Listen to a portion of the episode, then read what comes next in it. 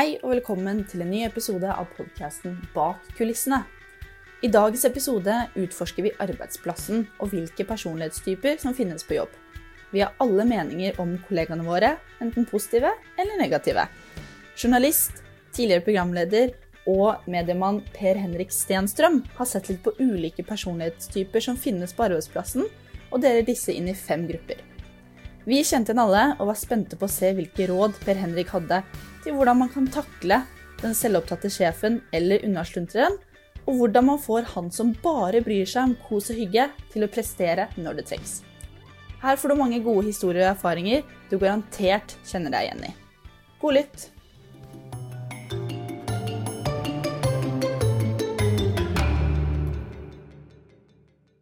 Velkommen som mye til podkast, Per Henrik Stenstrøm. Takk for det.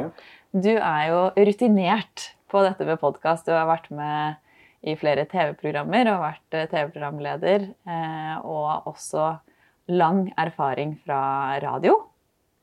Eh, Men grunnen til at vi har invitert deg i podkasten i dag, er jo for å snakke om de ulike personlighetstypene på jobb. Mm. For du har et foredrag med det klingende navnet 'Slik takler du primadonnaer og vanskelige kollegaer'. Ja. Og her er det vel mange som sitter med egen erfaring, kan jeg se for meg. Ja, de aller fleste gjør jo det. Man har jo, hvis man ikke da jobber i et enkeltmannsforetak, så tror jeg man har kjent på at man har noen som eh, irriterer en voldsomt på jobb. Um, og det handler jo om at ja, er, du, er det to eller tre på arbeidsplassen, eh, så er det noen som irriterer deg. Ja. En del av det å være kollegaer, tenker Jeg tror det. Ja. Det, det rett og slett. eh, Det er veldig rart eh, når man kommer på arbeidsplasser hvor, hvor man sier at eh, ja, her er det ingen som er eh, rare, eller her er det ingen som er irriterende, eller her har vi ingen problemer. Og da eh, tenker jeg ofte at det, det, da er det kanskje deg sjøl det er noe gærent med, den som sier det. Eller det tror jeg ikke noe på. For du holder jo foredrag for veldig mange arbeidsplasser. Jeg har sett noen klipp av det, og folk ler seg jo i hjel i salen fordi man kjenner seg jo sånn igjen. Ja. Eh, Er det sånn at det er mye likt rundt omkring, eller er det noen som sliter litt mer enn andre? Nei, det er, det er nok veldig likt. Jeg syns det er veldig gøy, eh, og jeg liker jo alltid å, å møte de jeg skal til på forhånd. da, Eller en ledergruppe, eller, som, eller en HR-avdeling, eller de som da har bestilt meg for å gjøre litt forberedelser. og prate litt om der hvor skoen trykker i den virksomheten. Um, og da, Det er alltid gøy, fordi de møtene der de er, ofte veldig like. For da sier folk at um, ja, du må komme til oss og prate hos oss, fordi det er veldig mange vanskelige um, folk her. Eh, og du skjønner, vi er helt spesielle. Og, vi er helt spesielle. Eh, og du skjønner at Randi hun begynte jo her for et år siden, og hun, ja, mellom oss, hun var helt håpløs. Eh, og så skjedde det, og så skjedde det, og så har vi den avdelingen der, og de, ja, det må jeg bare si, de er en egen rase, de som jobber der. Ikke sant? Og så har vi noen teknikere sånn, som jobber sånn, og så får man opp en sånn beskrivelse av en arbeidsplass da, som eh, oppleves av de som da jeg prater med, eh, som veldig spesiell. Og så hører man jo egentlig den samme historien hver gang, hver dag eh, i de møtene, når man da får høre hvor skoen trykker da, eh, på arbeidsplassen. Og det er jo veldig sånn, generelle ting. Det er mye snakk om digitalisering og endring i dag, og at eh, ting går så fort, og arbeidslivet er, er så annerledes, og det er kjempekrevende, og vi er så slitne og alt sånn. Og jeg opplever jo at det handler om veldig sånn grunnleggende ting som regel når du begynner å pirke litt i det og undersøke det. Så handler det jo om at det handler om å få folk til å gå sammen på en eller annen måte. Eller få disse teamene, avdelingene, til å, til å funke. Eh, Og det handler jo om hvordan vi da ser på kollegene våre, og hvordan vi samarbeider. Og så er det nok noen arbeidsplasser hvor det kanskje er litt mer av dette, da. eh, I litt sånn typiske friere yrker, som det heter. Eller verdidrevne yrker. Altså skole, sykehus, kreative yrker, reklame, media og sånn. Eh, Så, så, så det, finnes det noe sånn arbeidslivsforskning som sier at det er kanskje litt mer av det, men det er helt marginalt. Det spiller ingen rolle stort sett egentlig om du jobber i en kommune, eller om du jobber i en frisørsalong, eller om du jobber på operaen. tror jeg er ganske likt overalt. Så det er ikke så unike som vi skal Nei. ha det til. Det er jo ikke det. Men jeg tenker at vi kan starte litt sånn Vi, vi- vi skal snakke mye om arbeidsplassen, mm. og vi starter på toppen med lederen. Og du, Helene, har jo funnet fram litt sånn forskning på det om- med ledere som psykopater, eller om ledere ofte er psykopater. Ja, altså Ikke bare forskning, men masse avisartikler hvor det er 'slik ser du om lederen din er psykopat', og har, har lederen din disse trekkene, så varsku her, og da må du slutte. Um, og forskningen varierer jo. Det går jo fra et halvt prosent til 1% til 2% av befolkningen som er eh, psykopater, da, ifølge disse artiklene som, som jeg har lest. Um, og det står jo ofte at psykopater tiltrekkes av makt, penger og prestisje. Derfor går de oftere etter lederstillingen enn andre. Har du noe tall eller noe erfaring med akkurat på en måte ledere som psykopater, eller psykopater som ledere?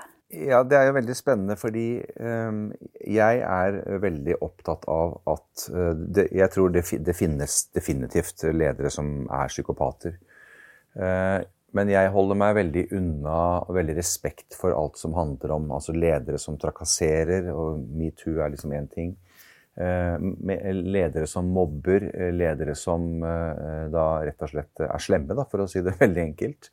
Det, det er liksom en, en, helt egen bit av dette her som, som jeg tenker at har veldig lite å gjøre med det jeg driver med. Fordi det er noe annet.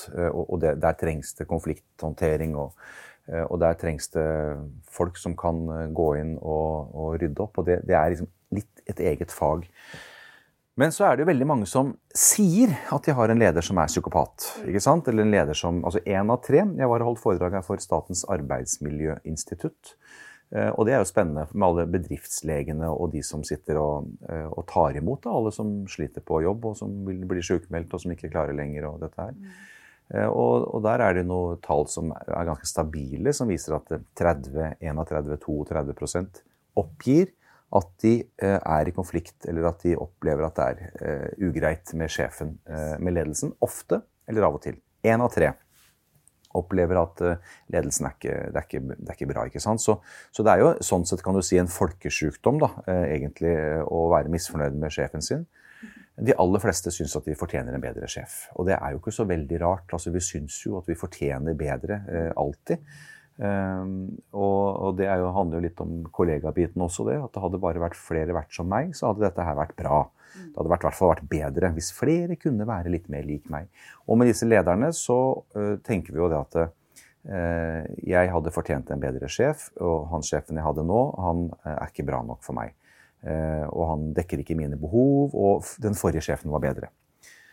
Og, og, da er det lett å begynne å grave seg ned i sånne psykopatdiagnoser osv. Og, så videre, og tenke at uh, ja, man leser seg litt opp på det. ikke sant? Og jeg mener, eh, Hvis du begynner å leite litt, og, og hvis du vil ta på deg de brillene, mm. så finner du ut at sjefen din er psykopat. For da er det sånn Ja, du har sett at han ikke drikker kaffe før klokka ni, liksom. Det er typisk psykopat. ja, det er psykopat. Det er typisk psykopat. Ja, veldig eh, rar atferd. Liksom et sånn, han gjør det, han gjør det.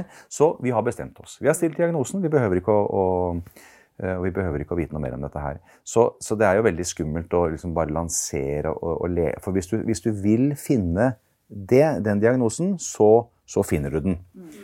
Da kan du stille den på ganske mange, og det er jo farlig, da.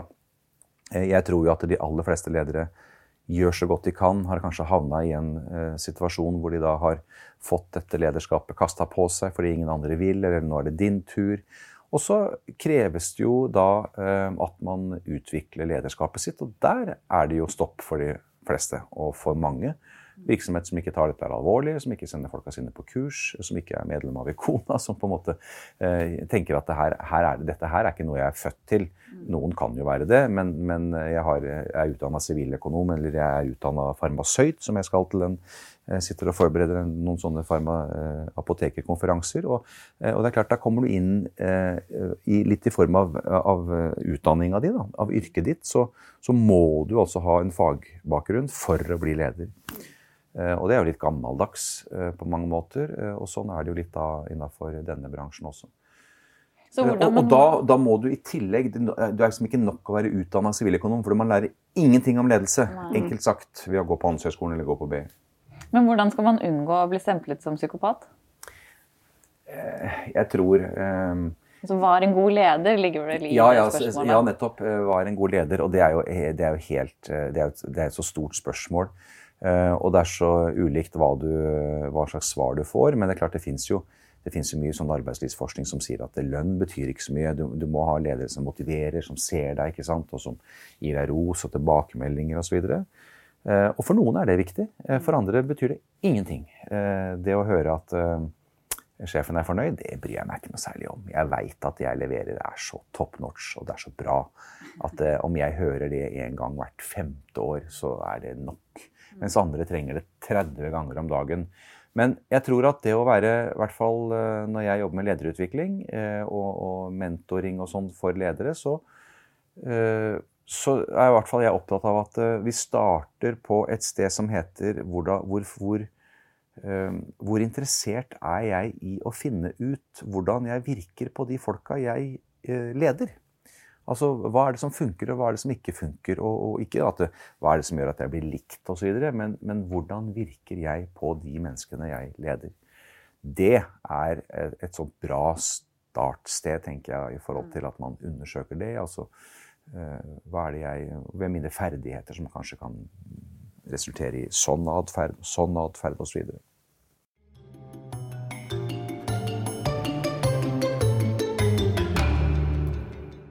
Men det mest slitsomme med å være leder er jo vanskelige eh, medarbeidere å lede. Eh, og du var jo litt inne på det når du snakket om det å være leder, at noen trenger mye oppmerksomhet og nesten sånn hver dag bare 'dette var, dette var bra, kanskje du skulle gjøre dette og dette'. Mens for andre så er det helt ubetydelig for å kunne gjøre sitt beste. Og, og der kommer man jo litt inn på disse ulike personlighetstypene som er på jobben.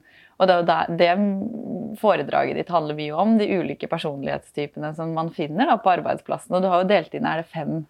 Ja, det er, det er ikke jeg som har gjort det, men det er en dansk arbeidslivsforsker som heter Helle Hein, som jeg møtte da jeg gikk på Solstrand-programmet, eh, som har skrevet en bok som heter 'Primadonna-ledelse', som, som har en, en arketypeinndeling. eh, og Hun starta sin arbeidslivsforskning ved, ved Rikshospitalet i København for å rett og slett undersøke motivasjon.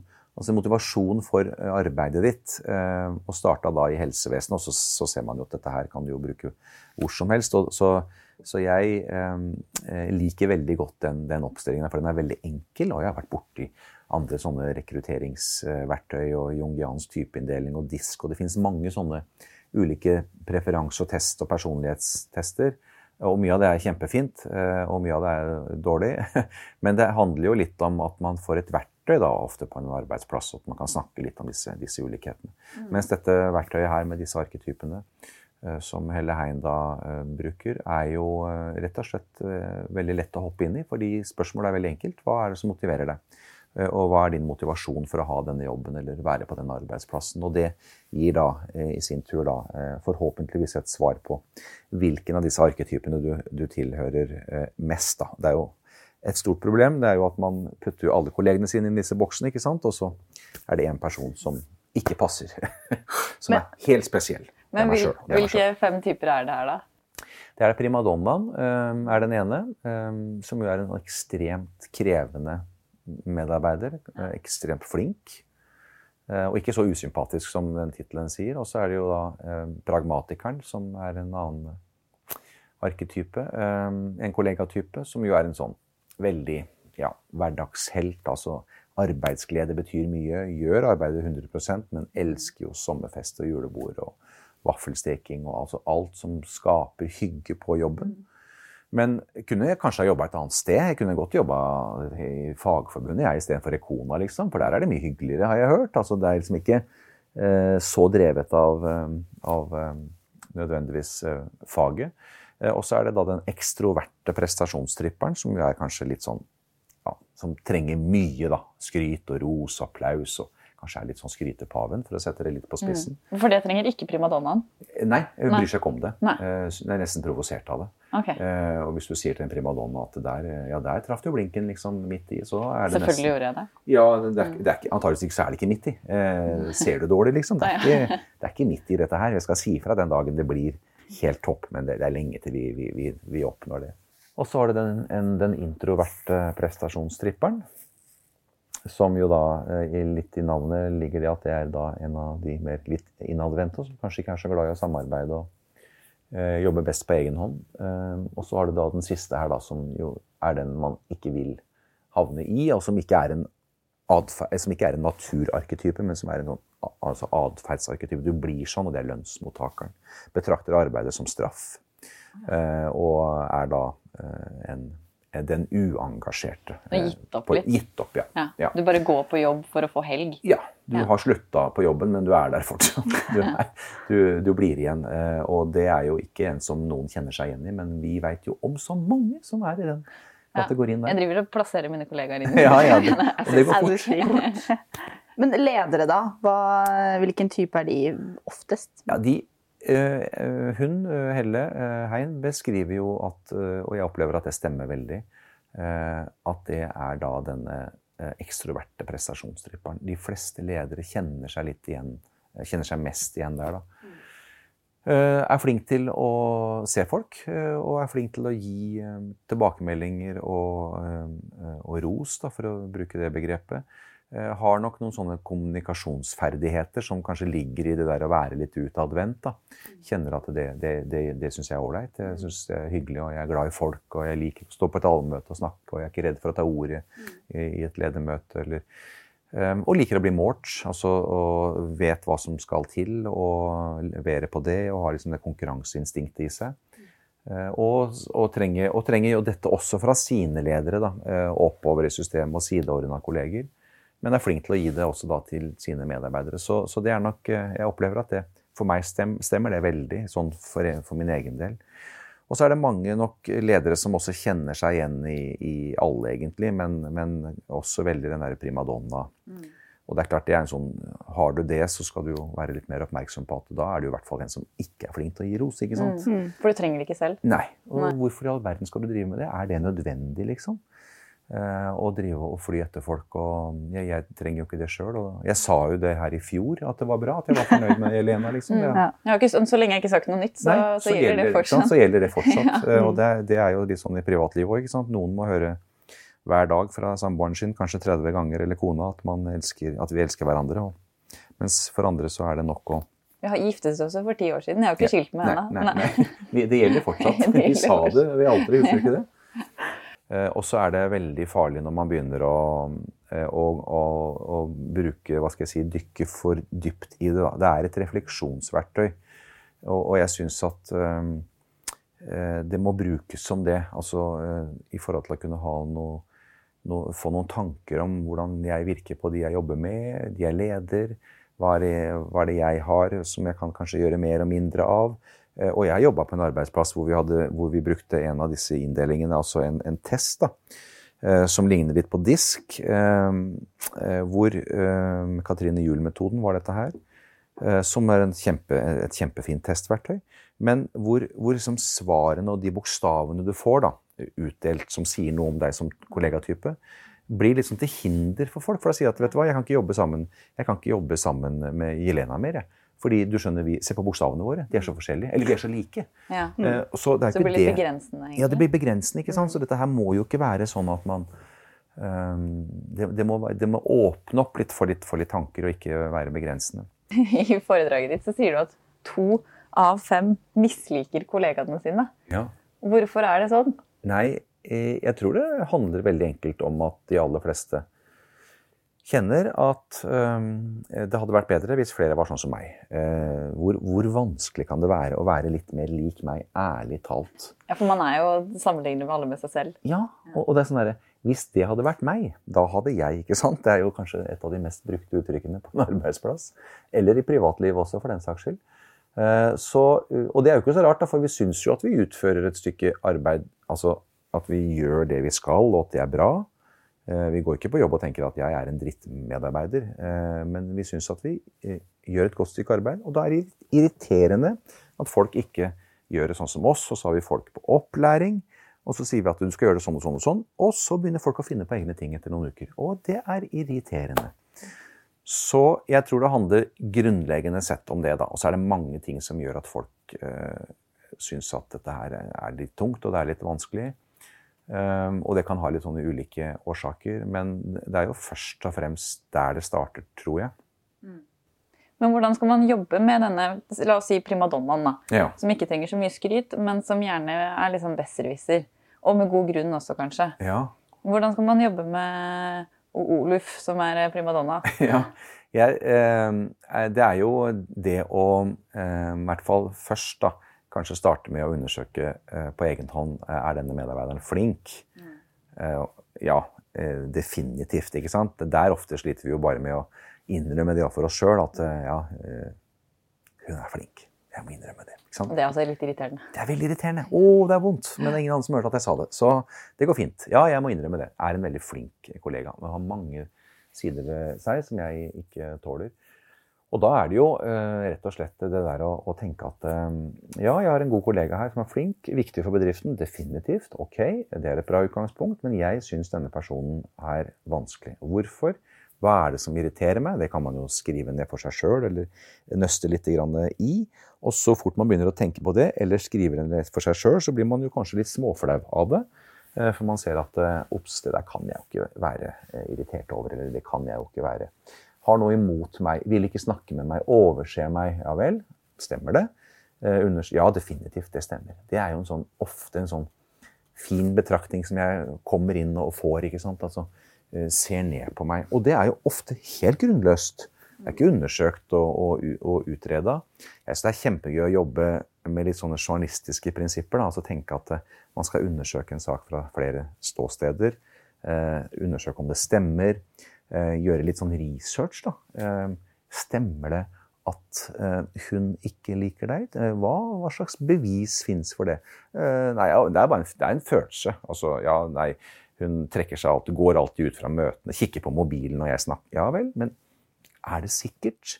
Og så finner man jo ofte ut at de aller vanskeligste folka, de største primadonnaene eller hva det er for noe, de bryr seg jo ikke om, seg ikke om deg og meg. De driter jo i det. De, de er opptatt av saken. De har jo ikke noe personlig imot verken deg eller meg, men vi tror det. Så det nytter jo ikke med bare å tenke at jeg skal gjøre noe med dette her, men man er jo nødt til, og man får ikke gjort noe med den kollegaen. Så da er det jo bare ens egne holdninger. Og det låter jo så fint og flott, ikke sant? Men det eh, syns, som jeg syns funker, er i hvert fall å gi folk den utfordringen at eh, nå skal, du, nå skal, du, jobbe med et lite prosjekt, og du skal forsøke å nærme deg den kollegaen som irriterer deg mest. Mm. Den du tåler minst trynet på, for å si det rett ut. da. Uh, og når jeg sier det på foredrag, så, så, så, pleier jeg i hvert fall å understreke at ikke gjør det i morgen. For da blir det så veldig opplagt. ikke sant? Alle kommer til I hvert fall når alle kollegaene har vært på samme foredrag. ja, det, er deg, det er meg du ikke tåler trynet på. Jeg har hatt en følelse av det. Så at man har det. Men altså, den mest eh, motsatt, din mest motsatte kollega og forsøke å finne litt eh, ut av det. da. Nærme seg personen med en idé, med en tanke, et forslag. Invitere vedkommende inn i noe. Det er jo kjempeskummelt, og det er superubehagelig. Men det er jo eh, i hvert fall eh, en måte å gripe dette an på som eh, gjør at det utløser et eller annet. Da. Eh, og det er jo ikke for å drive med noe sånn selvutvikling og selvhjelpsprosjekter. Det handler jo om at arbeidsgiverne våre faktisk fortjener dette her. da.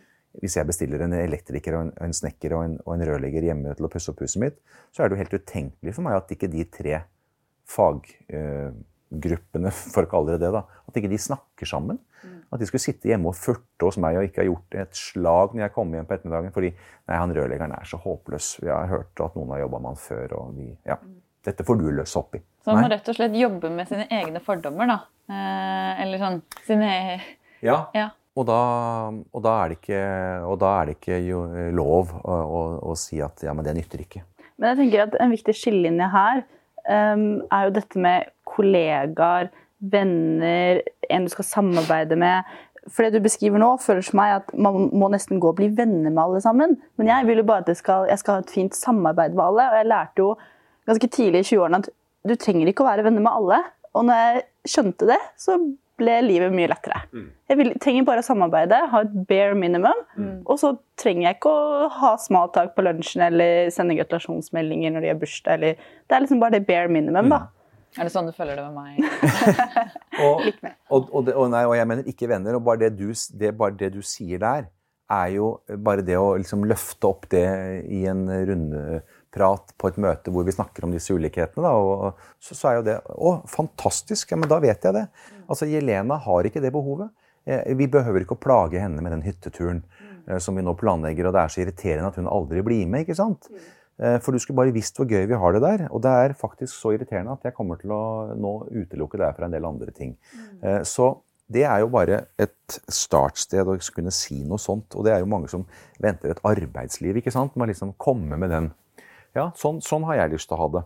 Jeg orker ikke å sitte og spise felleslunsj og ha med et morsomt pålegg på fredagen og bytte matpakker og alt sånt tull da, som, som noen eh, driver med ikke sant, og skal lage så mye gøy.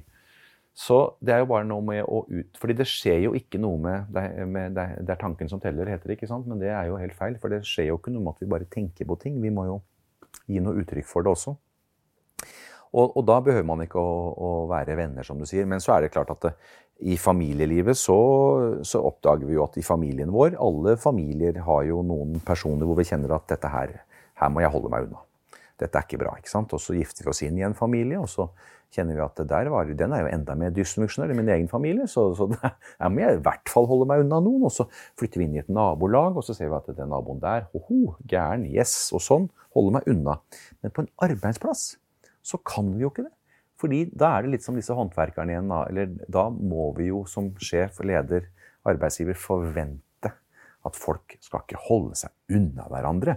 Folk skal samarbeide. Det er jo da vår eh, medfødte eh, vår egenskap som art eh, fra millioner av år tilbake. At vi har den, den evnen. Selv om det er jo hardkoda i genene våre at vi skal frykte og vi skal holde oss unna farlige stammer. Og, og over haugen der så bor det noen kjøtteter og noen kannibaler. Og de, de er gærne. De må vi holde oss unna. Det var jo nyttig. Eh, kunnskap, selvfølgelig. Eh, men det er litt sånn jeg føler fortsatt her på arbeidsplasser. At pst, når du er, du som er ny her, den avdelingen der borte, de må du holde deg unna. Ja, For det er naturlig å lage litt sånne klikker, er det ikke det? Ja, ja, ja. ja. Alle ledere som har vært på eh, hospiterings- og eh, trainee-programmer, er jo den mest geniale måten å utvikle ledere på. Eh, fordi da sender du folk rundt i alle avdelinger. Og gode ledere som har vært traineer, de vet jo at eh, du, det er gøy å høre at du sier at den avdelingen er, at de er gærne, men jeg har vært der. Jeg har vært utplassert der. De er ikke gærne. Men de sier at dere er gærne. Og nå har jeg jo vært her og opplever at dere er jo ikke gærne, dere heller. Så når man da har fått dette her, eh, denne evnen til å, til å se det litt da, og ha den perspektivbevegeligheten, da, den, den, er nyttig. Og egentlig skulle folk ha bytta mer avdeling, vært mer rundt, ikke sant? fått større tol toleranse for de andre i virksomheten. Mm. Si at man nå har eh, lagd denne listen over den kollegaen da, som man syns er en primadonna. og Kanskje er det mest skummelt fordi det ligner mest seg selv også. Det er jo slitsomt når noen andre driver og fronter hva man kan hele tiden. Definitivt. Og så skal man ikke bytte jobb, og man har liksom prøvd å tilnærme seg, men det går ikke likevel. Altså, hvordan skal man bare forholde seg til den idiot da, på arbeidsplassen som man bare liksom ikke tåler trynet på? Nei, da, det, da, da, er det jo i hvert fall Det første vi gjør, er jo å undersøke om det er flere som syns det er en idiot. Eh, og da ja, det, ja, men da er vi fint. Da er vi flere. Da har vi gitt opp dette her prosjektet her, da. Um, og, og jeg, det er jo ikke sånn at man kan tvinge folk til Og det fins folk som er håpløse på jobb, selvfølgelig. Som er Jeg tror ikke det finnes så mange idioter, egentlig. Selv om idiot egentlig har en sånn gresk opprinnelse og betyr egentlig den som ikke har noe yrkeskunnskap. Oh, ja. Så, så, vi har drevet med dette her i tusenvis av år. Eh, altså Grekerne har jo ment at den som ikke kan noe om jobben sin, uh, som ikke har, uh, er opptatt av profesjon, da, eller er en idiot. Så det stammer fra yrkeslivet. men i dag bruker vi det helt, i helt andre settinger også. Så det er klart at noen kommer man ikke overens med. Men jeg kjenner litt på den derre Hvis du skulle sende en regning til arbeidsgiveren din hver dag for arbeidet du har utført den dagen, mm. Eh, så det gjør vi jo ikke. Vi får lønn. Men hvis vi alle var si, selvstendige næringsdrivende som sendte en faktura hver dag til arbeidsgiveren min, eh, så, så, er jeg ikke så sikker på om folk hadde sendt den med god samvittighet hver dag og tenkt at ja, ja, i dag har jeg gjort det jeg skal. Har samarbeida godt, jeg har nærma meg folka som jeg liksom syns er vanskelig. Eh, nei, jeg har jo ikke det. Vet du hva? Jeg tror jeg lar være å sende faktura i dag. Mm. Det her kan jeg faktisk ikke være bekjent av. I hvert fall ikke skrive åtte timer. Nei, ikke Nei. åtte timer. Kanskje bare fem i dag. Eh, og det er jo da Det ligger jo en plikt der også hos oss som da eh, er ansatte og jobber et sted og skal levere noen tjenester og noen produkter. Da. At vi faktisk uh, kjenner på igjen da denne yrkesstoltheten, da, som jeg kjenner at er et sånn pompøst og fint ord. som er jo nødt til å være beslekta med, med, yrkeskunnskap, og motsatt av idiot. da. Uh, og at det um, må jo hver enkelt jobbe litt mer med. Da. Og uh, en del av det er jo å nærme seg de folka som man kjenner at er uh, vanskelige å forholde seg til. Det er jo ikke sånn at vi skal samarbeide om alt mulig. Noen hater jo samarbeide og utføre oppgavene best på egen hånd. Men at vi i hvert fall da er så gode utgaver av oss sjøl som mulig, da. Eh, og det, det, er jo ikke noe quick fix på det. Eh, men det går an å tenke at jeg skal bli litt bedre på det. Jeg skal være litt mer opptatt av Jeg hadde en dame på foredrag her som sa at jeg har altså ikke tenkt over Jeg er 57 år, jeg har ikke tenkt over hvordan jeg virker på de jeg jobber sammen med. Men nå har jeg ti år igjen. Fordi det er jo ikke noe vits i å komme på 67-årsdagen og tenke at ja, ja, nå er det gøy å høre hva de har tenkt å si til meg på okay. siste dagen. Da vil man jo ikke høre det. Nei, og da er det for seint. Jeg får ikke gjort noe. Jeg, skal, jeg kommer ikke hit i morgen. så...